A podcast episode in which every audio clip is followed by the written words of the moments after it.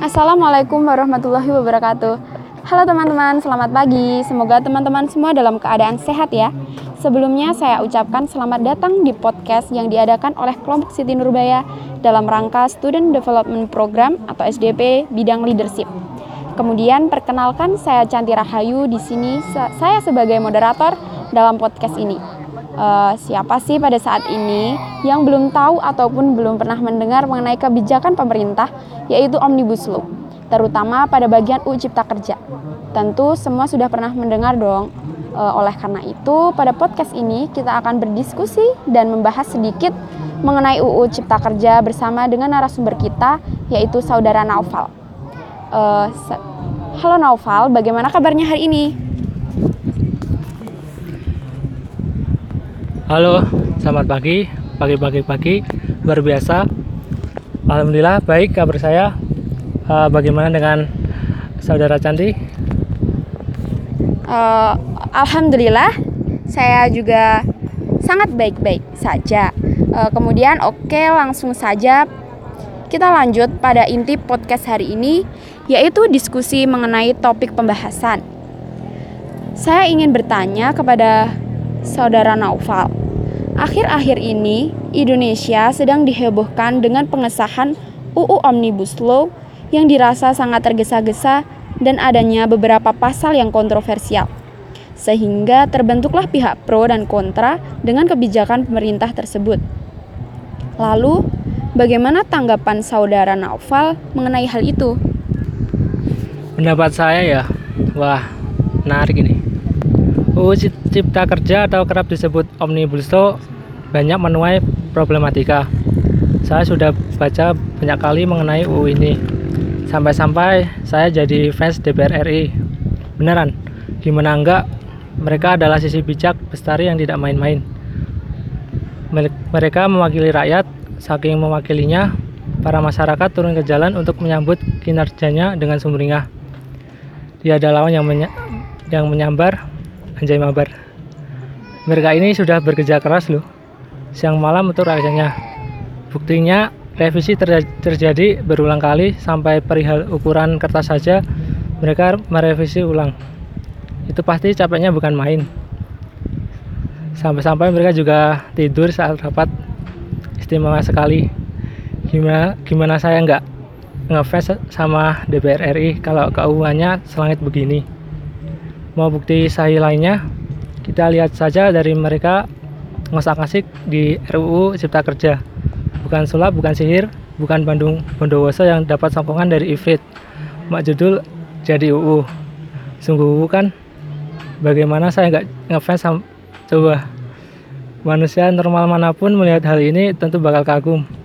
RUU yang seharusnya dipertimbangkan masak-masak melibatkan rakyat banyak dalam perundingannya dengan mudah disahkan. Uh, kurang lebih menurut saya seperti itu. Terima kasih. Uh, baik-baik, terima kasih saudara kepada saudara Naufal atas jawabannya. Kemudian saya ingin kembali bertanya, bagaimana pandangan saudara mengenai aksi turun ke jalan seperti yang terjadi beberapa pekan yang lalu? Pendapat saya mengenai aksi turun ke jalan uh, membuat saya berpikir kenapa sih kita demo? Apa alasan kita demo? Yang jelas karena kita resah cemas dan khawatir akan rezim saat ini. Kita mencemaskan orang tua dan diri kita di masa depan. Bukankah hal itu merupakan kondisi yang wajar? Atau mungkinkah harus didramatisir agar demonstrasi terlihat sebagai suatu kejahatan? Salah satu hak yang diperjuangkan pada demo saat itu adalah hak buruh Melihat kesibukan orang tua yang menjadi guru memang luar biasa. Mereka nggak sempat ikut panduan parenting yang banyak diadakan di via daring. Akhirnya, anak muda akan tumbuh dengan kemampuan dan kemauan mereka sendiri. Apakah hal itu membuat orang tua menjadi tidak bertanggung jawab? Kehidupan dan komunikasi keluarga, kelas bawah memang beda jauh dengan kelas menengah, apalagi bila dibandingkan dengan kelas atas secara ekonomi. Jadi akan sangat naif bila melihat hanya dari kacamata orang yang nggak pernah jadi buruh. Mereka yang bekerja setiap hari untuk hidup pas-pasan tanpa kepastian kalau hidup mereka ke depan bakal baik-baik saja. Semua pekerja yang bekerja untuk mendapatkan upah adalah buruh. Tapi arti kata buruh yang masyarakat tahu bukan macam itu. Mereka yang bekerja dan rawan dipecat ada, adalah arti buruh sesungguhnya. Diperparah lagi dengan penghasilan yang di bawah standar penghidupan. Buruh macam inilah yang paling banyak dijumpai di Indonesia. Sebetulnya untuk apa dan untuk siapa undang-undang kejar tayang ini dibuat? Yang jelas bukan untuk kebanyakan rakyat yang hidup di pelukan Bunda Pertiwi ini. Ya terima kasih kurang lebih seperti itu. Baiklah, uh, akan saya lanjut untuk pertanyaan yang ingin saya tan tanyakan kepada narasumber. Uh, pertanyaan selanjutnya yaitu bagaimana pandangan Anda mengenai isu yang menyebutkan penyebab kericuhan dalam aksi turun ke jalan tersebut adalah dari pihak mahasiswa. Sebenarnya tujuan mahasiswa melakukan aksi turun jalan adalah untuk menyampaikan aspirasi mereka dan masyarakat sekitar mereka.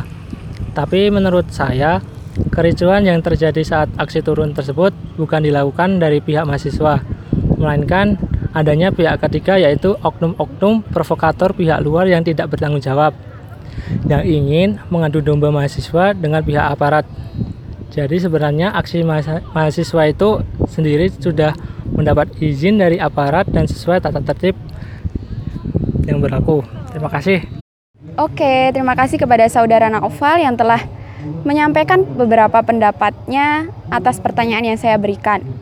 Uh, sebenarnya pemerintah menerbitkan kebijakan UU Cipta Kerja di ya, uh, yang termasuk dalam omnibus law tersebut sebenarnya ingin bertujuan untuk memajukan Indonesia. Namun, ada tentu ada dampak positif dan negatif dari kebijakan tersebut.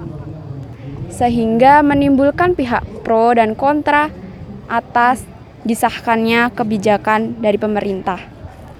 Jadi, cukup sekian uh, sesi diskusi dan pembahasan sedikit dari pandangan kita mengenai kebijakan tersebut. Tentu dalam podcast pada saat ini sangat banyak kekurangan dan kesalahan dari baik dari saya moderator dan dari pihak narasumber. Oleh karena itu, saya e, mewakili kelompok Siti Nurbaya mohon maaf sebesar-besarnya apabila ada kesalahan dan terima kasih kepada teman-teman yang sudah mampir untuk mendengarkan podcast yang dilakukan oleh kelompok kami. Terima kasih. Selamat jumpa kembali teman-teman. Wassalamualaikum warahmatullahi wabarakatuh.